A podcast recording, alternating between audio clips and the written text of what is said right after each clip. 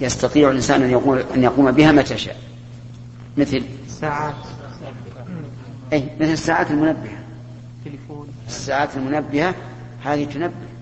لكن بعض الناس يكون مستغرقا في النوم إذا سمع تنبيهها غمزها وسكتها. فنقول أبعدها عنك. قال لي بعض الشيخ إذا أبعد عنه لا يسمع.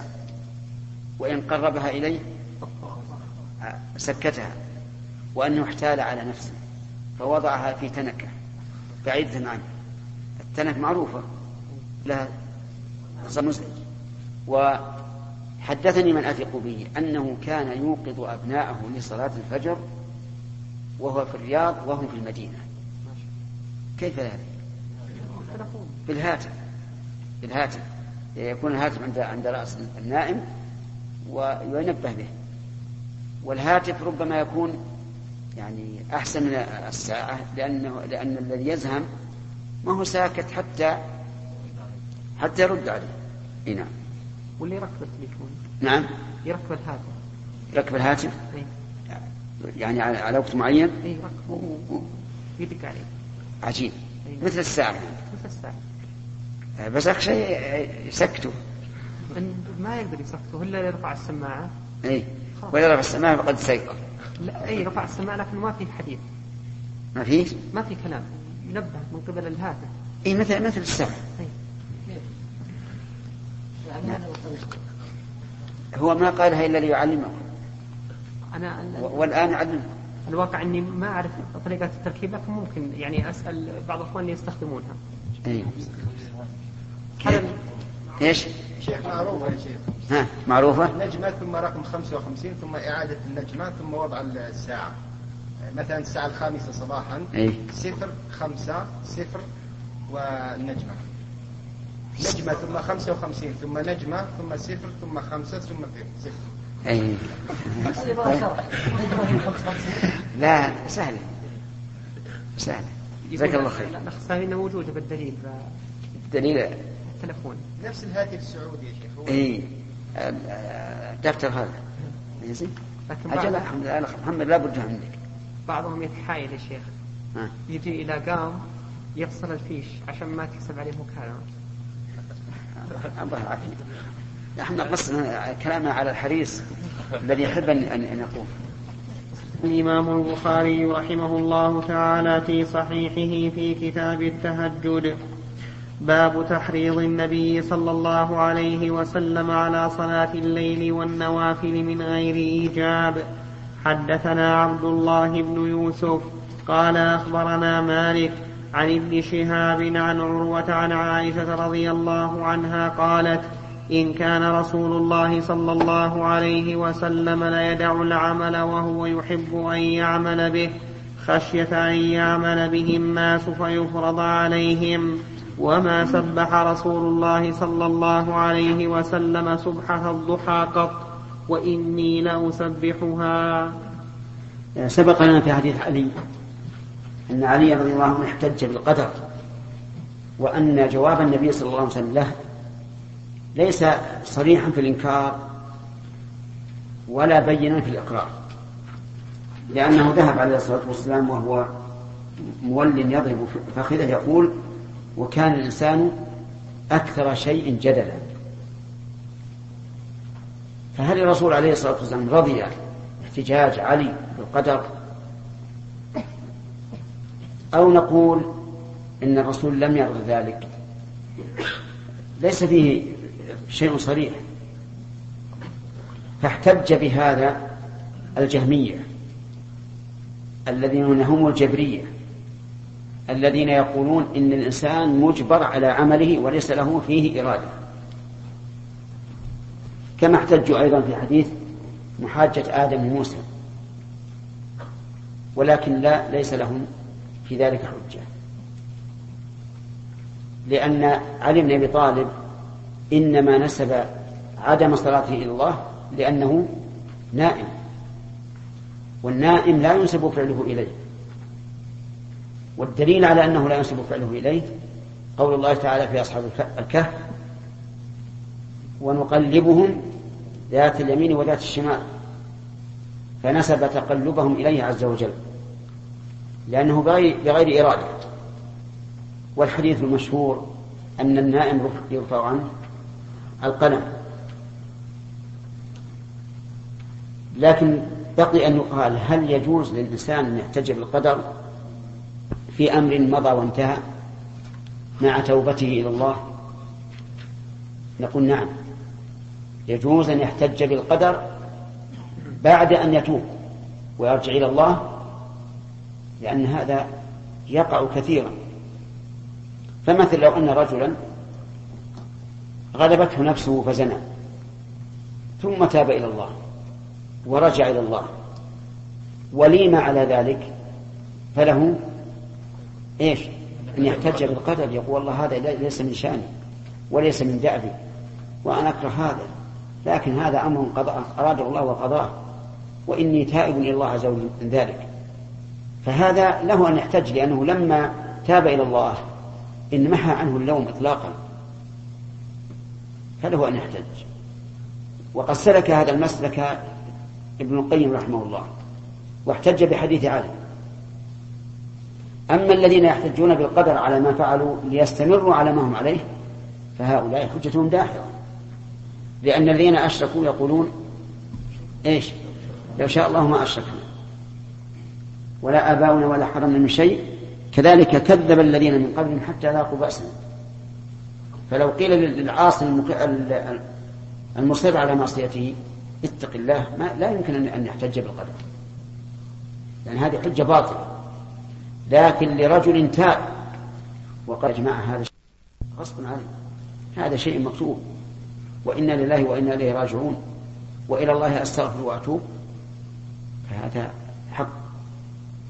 أن الإنسان قد يعمى ولذلك من كلمات العوام يقولون إذا حل القدر عمي البصر. عمي البصر. نسأل الله أن يعيذنا وإياكم من الشيطان. نعم أما حديث عائشة هذا فواضح أن الرسول عليه الصلاة والسلام يحب أن يعمل الشيء لكن يخشى أن الناس يعملونه فيفرض عليه. وهذا والذي سبق لنا في حديث قيام الليل. يدل على أن الناس إذا التزموا بالعمل في وقت التنزيل ووقت التشريع فقد يكون التزامهم هذا إيش؟ ملزما لهم. كالناذر ينذر فيلزمه العمل ولهذا لما تخلف الرسول صلى الله عليه وسلم في في قيام رمضان قال إني خشيت إيش؟ أن تفرض عليكم. مما يدل على أن التزام الناس بالعمل في وقت التنزيل قد يكون سببا في في فرض. وفيه أيضا أن عائشة رضي الله عنها لا تريد بذلك أن تعارض الرسول صلى الله عليه وسلم. في كونها تصلي سنة الضحى مع قولها أن الرسول لا يسبحها لا يصليها. لو أن أحدا أراد الشر لقال انظر إلى عائشة تعارض النبي عليه الصلاة والسلام تقول إن الرسول يتركها وما, وما سبحها قط ثم هي تقول وإني لأسبحها. فهذا صريح في المعارضة. نقول هذا كذب. إنما أرادت أن تبين أن الرسول تركها خوفا من إيش؟ أن تفرض. من أن تفرض. أما هي لو سبحتها فلينظر هل كان الرسول عليه الصلاة والسلام يصلي الضحى في السفر أو لا. فإذا قلنا إن الظاهر أنه لا يصلي. ولهذا قال ابن عمر لا إخال ولم يكن عشرة يسمونها المجرد. الناس ثم اجتمعوا من الليلة الثالثة أو الرابعة فلم يخرج إليهم رسول الله صلى الله عليه وسلم. فلما أصبح قال قد رأيت الذي صنعتم ولم يمنعني من الخروج إليكم. ليس لها وجود في يمكن أن يفعل أو الأيام البيض.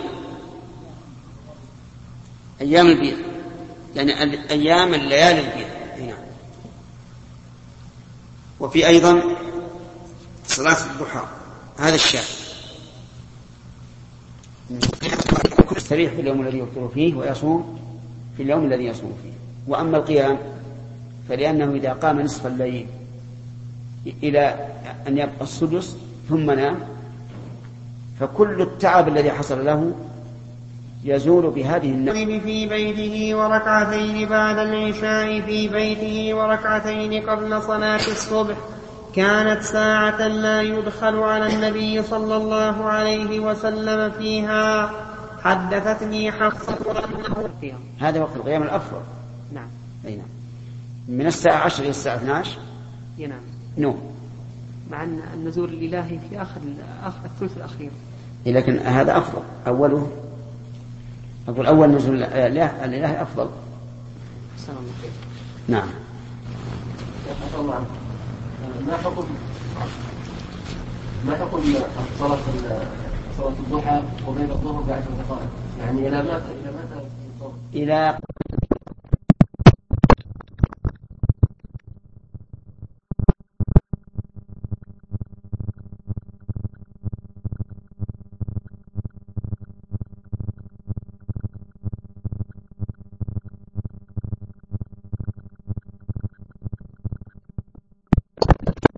ثبت به السنة من الرسول صلى الله عليه وسلم.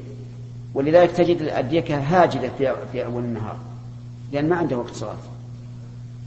لكن في الليل سبحان الله ومن النكت أن في الزمان السابق السابق الكثير أنه عرضت الساعة.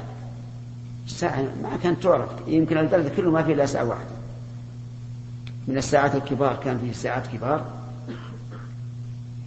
عرضت على ذاك الرجل فقال كم الساعة؟ قال بريال.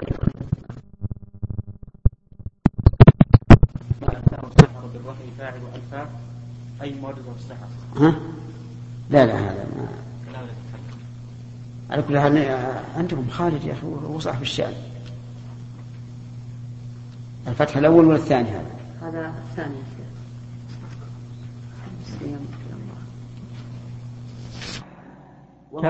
كما نعم.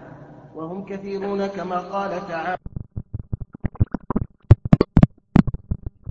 قال لمن شاء قوله كراهية أن يتخذها الناس سنة قال المحب الطبري لم يرد نفي استحبابها لأنه لا يمكن لم يرد. نفي استحبابها في الحرب. قال حدثنا شعبة عن الأعمش عن أبي وائل عن عبد الله رضي الله عنه قال صليت مع النبي صلى الله عليه وسلم ليلة فلم يزل قائما حتى هممت بأمر سوء. قلنا وما هممت؟ قال هممت أن أقعد وأذر النبي صلى الله عليه وسلم. اللهم عنه هذا سوء بالنسبة لكونه مأموما. ولا شك أن في التسوك عونا على دفع النوم فهو مشعر بالاستعداد للإطالة. وقال البدر وقال البدر جماعة يظهر لي أن البخاري أراد بهذا الحديث استحضار حديث حذيفة الذي أخرجه مسلم يعني المشار إليه قريبا. قال وإنما لم يخرجه لكونه على غير شرطه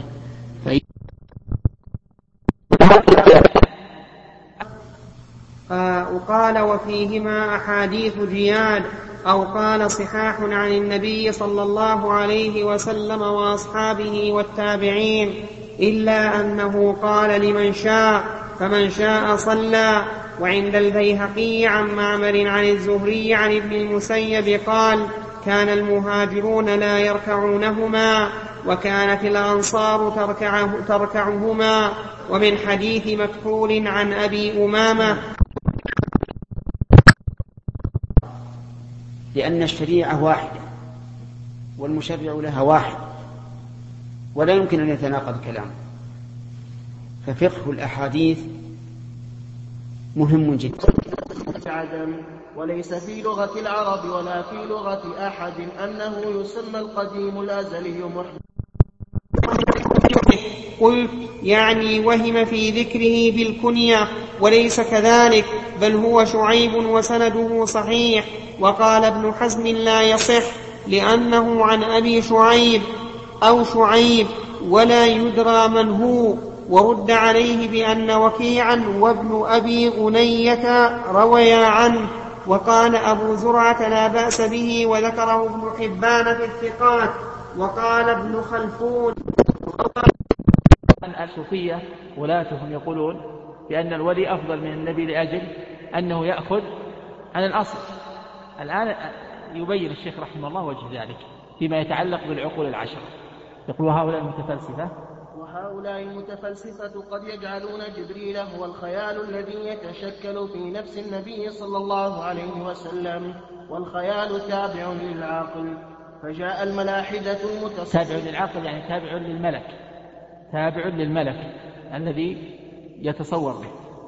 نعم. فجاء الملاحدة المتصوفة الذين شاركوا هؤلاء الملاحدة المتفلسفة. سألت عائشة رضي الله عنها عن صلاة رسول الله صلى الله عليه وسلم بالليل فقالت سبع وتسع وإحدى عشرة سوى ركعتي الفجر.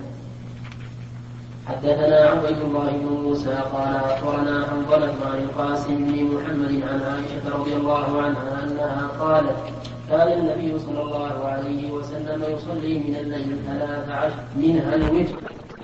هو جبريل.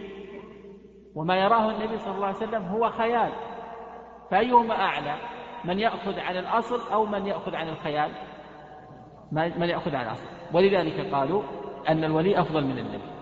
طيب. والمعدن عنده؟ والمعدن عنده هو العقل والملك هو الخيال. والخيال تابع للعقل.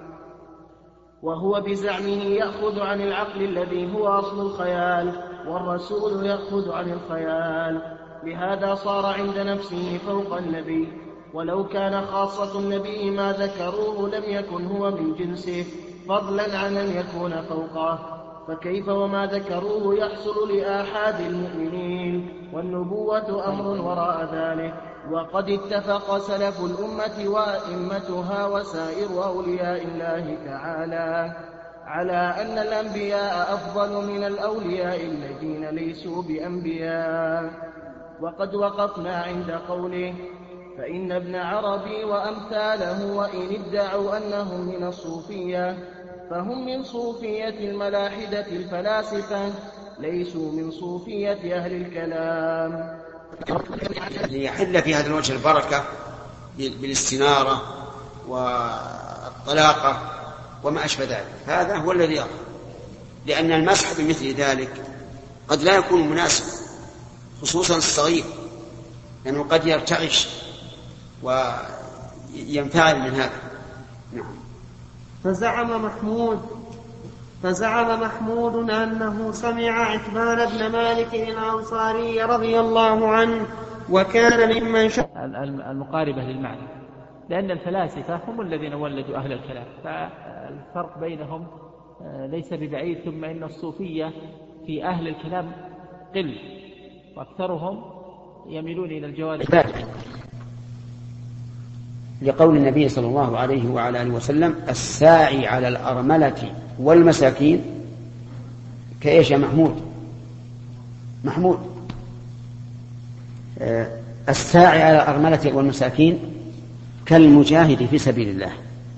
قال الراوي وأحسبه قال كالصائم لا يفطر وكالقائم لا يفطر.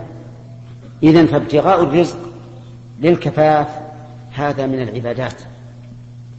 حتى أن الرسول عليه الصلاة والسلام قرنه إما بالمجاهد أو بالصائم الذي لا يفطر والقائم الذي لا يفطر هنا يقول وآخرون يضربون في الأرض يعني يسافرون لطلب الرزق يبتغون من فضل الله. القسم الثالث وآخرون يقاتلون في سبيل الله.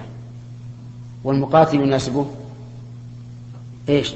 التخفيف والراحة. فلذلك عفى الله عنا والحمد لله. وفي هذا إشارة واضحة إلى أن الدين الإسلامي موافق للفطرة.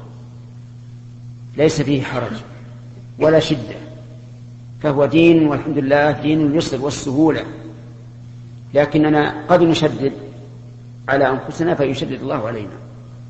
يشدد الله علينا إما شرعا وإما قدرا. فقد شدد الله شرعا على بني إسرائيل الذين سألوا عن البقرة ما هي؟ ما لونها؟ ما عملها؟ ويشدد على بعض الناس قدرا إذا صار يزيد على المشروع في العبادة كالذي يزيد في, في, في الوضوء مثلا على ثلاث مرات فإنه في الغالب يشدد الله عليه فيلقي في قلبه يصلي للناس لأهواء الناس ويسرع ويعجل من أجل أن يكثر الجمع في مسجده فهذا غلط. سيسأل عن هذا يوم القيامة. لأنه تعالى قد وصف الملائكة في كتابه بصفات تباين قول هؤلاء كقوله تعالى وقالوا اتخذ الرحمن ولدا سبحانه بل عباد مكرمون. لا يسبقونه بالقول وهم بأمره يعملون. يعلم ما بين أيديهم وما خلفهم ولا يشفعون إلا لمن ارتضى وهم من خشيته مشفقون ومن يقل منهم إني إله من دونه فذلك نجزيه جهنم كذلك نجزي الظالمين وقال تعالى هذه الآية تبين أن الملائكة عباد مربوبون وأنهم ليسوا خالقين كما يقول. من الفصاحة؟ ما لا يبلغه كلام أحد من الناس.